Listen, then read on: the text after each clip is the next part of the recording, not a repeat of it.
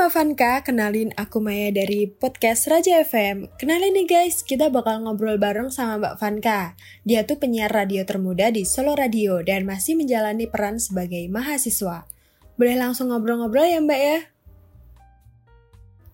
Uh, jadi gini Mbak, uh, ceritain dong Mbak gimana pengalamannya jadi penyiar tuh gimana kayak gitu. Kalau aku sendiri karena mungkin di radioku sekarang aku yang paling muda ya, yang paling kecil gitu. Ya rasanya enak aja karena banyak kakak-kakak baru, banyak teman-teman baru, terus banyak juga yang bantuin kalau ada tugas itu sih.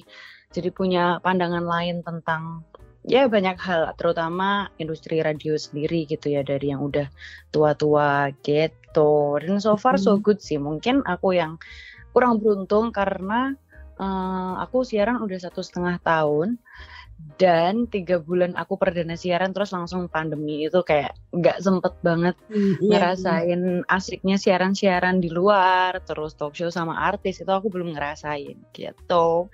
Tapi ya so far so good sih asik seru. Oh gitu. Ya ya mbak. Uh, terus gimana nih mbak cara baginya waktu antara kuliah sama jadi penyiar karena aku udah semester akhir sih sama uh, belajar dari rumah juga, jadi ya gampang-gampang aja. Cuma sometimes kalau lagi ujian kan jamnya nggak bisa milih gitu kan. Ya udah, jadi sambil siaran. Aku pernah sambil siaran aku rekaman praktek sholat jenazah bayangin coba. Tapi ya ya udah langsung ya gimana? Whatever you do buat lulus kan ya udah. Yeah. dan untungnya semua kooperatif apa teman-teman di radio atasanku juga paham sekali sama kewajibanku karena aku masih kuliah. Ya alhamdulillah banyak yang hmm. pengertian ya. Itu deh pasti bisa sih. Tapi mungkin aku nggak akan munafik akan lebih sulit untuk teman-teman yang semester semester rawan ya biasanya kayak semester semesternya ya. kamu sama Eka gitu ya, mungkin ya. agak lebih sulit tapi pasti bisa kok ya semoga aja ya Mbak ya nanti ya Mbak iya dong karena kan corona juga masih belum kelihatan ya uh, kapan belum. berakhirnya nih Mm -mm, literally nggak ada yang tahu nih mau sampai kapan. Iya nih, aduh pusing deh jadinya. Sama. Terus Mbak, ini selama jadi penyiar dan mahasiswa tuh kendalanya apa aja nih Mbak selain kayak tugas gitu, entah di perkuliahan atau di tempat kerja gitu?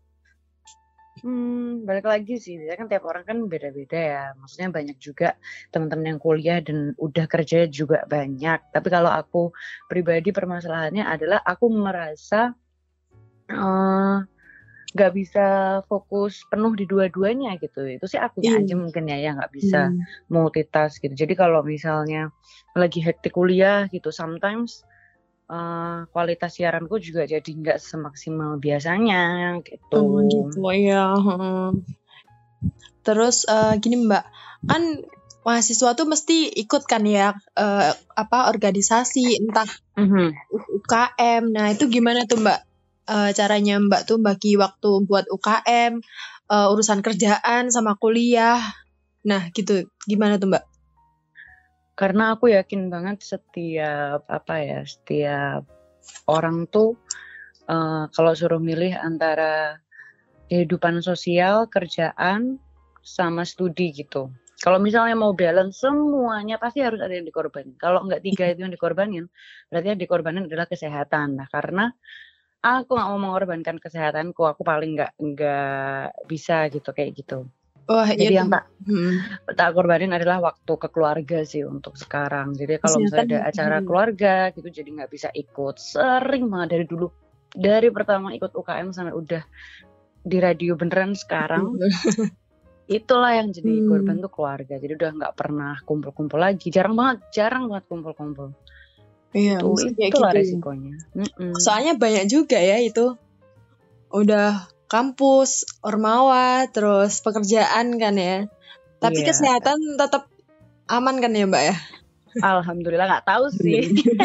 nggak tahu kayak 20 tahun lagi nggak tahu tapi ya namanya mahasiswa ya kalau nggak hura-hura euforia ngapain lagi hmm, iya bener banget mbak nah mbak kan kita sebagai remaja nih ya mbak kan mesti pernah lah ngerasa galau nah itu cara ngatasinya gimana nih mbak pas lagi mau siaran, terus kita tuh ngerasa galau. Nah, itu Mbak Vanka gimana cara mengatasi keadaan pas itu?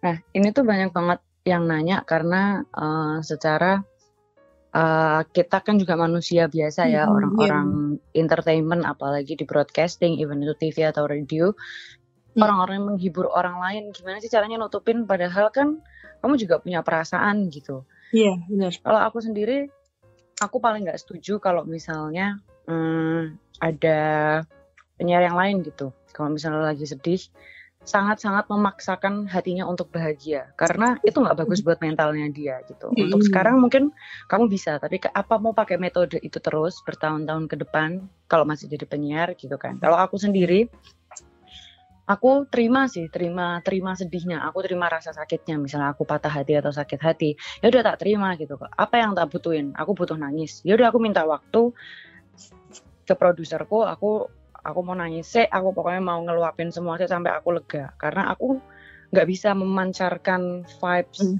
friendly fun terus cheer gitu ke orang lain. Kalau aku sendiri nggak ngerasa kayak gitu gitu. Hmm. oh jadi harus, harus nunggu waktunya nih mbak ya? Kalau mau kalau, gitu. Iya sih kalau aku sendiri gitu, tapi dalam prakteknya kan nggak selalu ada waktu untuk seperti itu ya. Jadi jalan ninjanya kalau aku temuin hal kecil yang bikin kamu seneng walaupun yeah, itu sedikit. Kalau aku personally aku makan deh, aku yeah. makan happy gitu. Tergantung sih orang-orang kayak punya mantranya sendiri-sendiri buat yeah. menghilangkan sedih ekspres walaupun nanti sampai rumah nangis lagi ya. Iya. Wah mentalnya harus kuat nih mbak ya. Harus. Terus mbak selama jadi penyiar nih mbak, Mbak Vanka kan pernah support uh, mendapatkan support dari orang tua langsung atau hmm. harus ngeyakinin orang tua. Nah itu gimana Mbak? Kok bisa orang tuanya Mbak Vanka tuh percaya sama Mbak Mbak Vanka? Oh, bisa kerja sambil kuliah itu.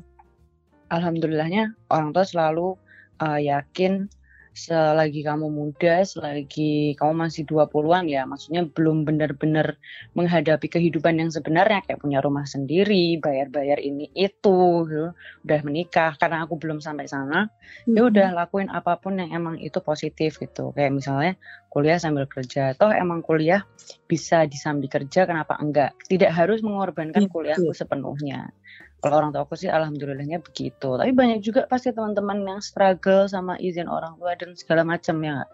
Iya betul banget mbak. Mm temanku tuh ada mbak yang salah satu tuh dia tuh anak terakhir kan cewek mm. lagi. Nah dia tuh kayak ikut organisasi tuh nggak pernah. Terus mm. apa main gitu kayak nggak boleh sama orang tuanya. Jauh pun itu jauh deket pun itu nggak boleh.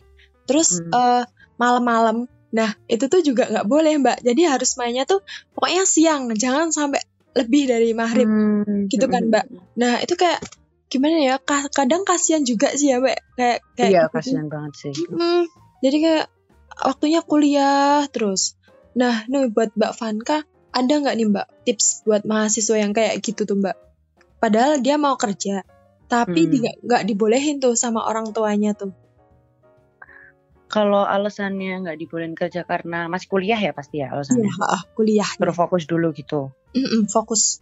Harus fokus dulu tuh sama kuliahnya gitu.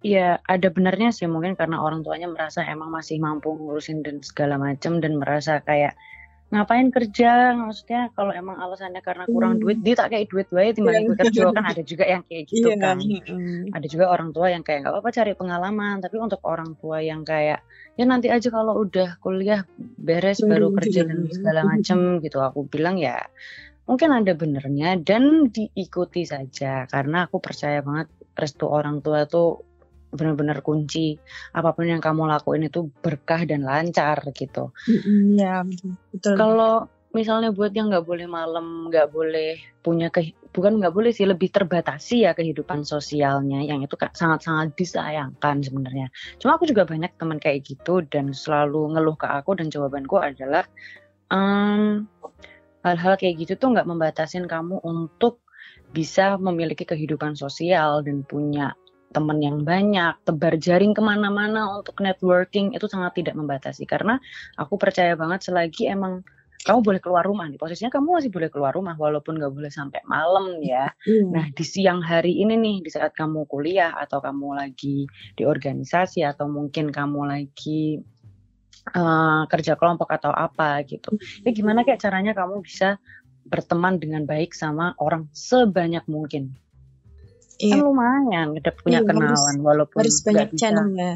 Mm-mm, bisa punya channel, yang penting kenal pembawaanmu enak, terus orang-orang kayak eh enak banget ya temenan sama ini gitu. Ya itu iya. bakal iya. mendingan lah daripada nggak sama sekali udah nggak keluar, udah nggak ketemu siapa-siapa, nggak bisa bergaul kan kasihan banget gitu. Iya, uh, betul banget tuh mbak. Apalagi kayak aduh orangnya introvert terus nanti nggak kenal sama sana sini aduh yes. gak, nanti di dunia kerja tuh bakalan kesusahan banget gak ya mbak ya? Ah, banget sih kalau apa ya kalau aku ngerasain di radioku sekarang satu tahun setengah itu sangat-sangat uh, terbukti bahwa bagaimana kamu bisa bersosial sama orang banyak macem-macem banget orang-orang di tempat kerja itu kan pasti macem-macem banget nah yeah. kamu harus tahu nih nyerateni nyerateni itu apa ya dealing sama mereka tuh kayak gimana caranya dealing sama situasi bosmu kayak gini, temanmu kayak gini itu gimana caranya. Nah, yeah. itu dilatih dari apa? Ya dari kamu bertem berteman sama orang banyak. Iya. Yeah. itu cuma, cuma itu kuncinya.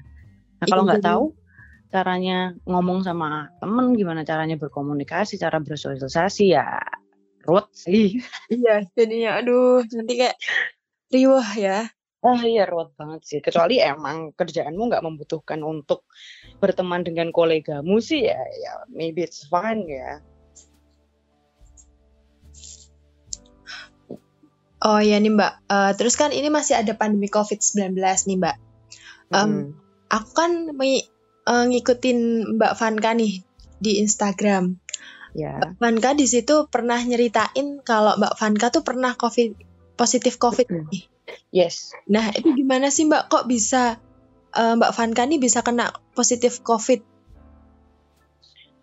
Itu lucu banget sih. Jadi kalau misalnya teman-teman tuh ingat tahun kemarin akhir tahun sekitar Oktober mungkin sampai Desember itu kan Solo tuh benar-benar lonjakan COVID itu gila-gilaan kan luar biasa satu Solo nah itu akulah salah satunya dan aku juga nggak tahu nih padahal aku ngelakuin rutinitasku seperti biasa gitu. Terus iya. tiba-tiba besoknya kayak demam kayak mau flu tapi kok nggak nggak nggak pilek nggak batuk gitu tapi demam sekitar dua malam akhirnya hmm. aku izin nggak siaran gitu. Nah sampai akhirnya aku udah udah nggak demam nih udah nggak demam sama sekali cuma lemes sama tinggal pusing aja.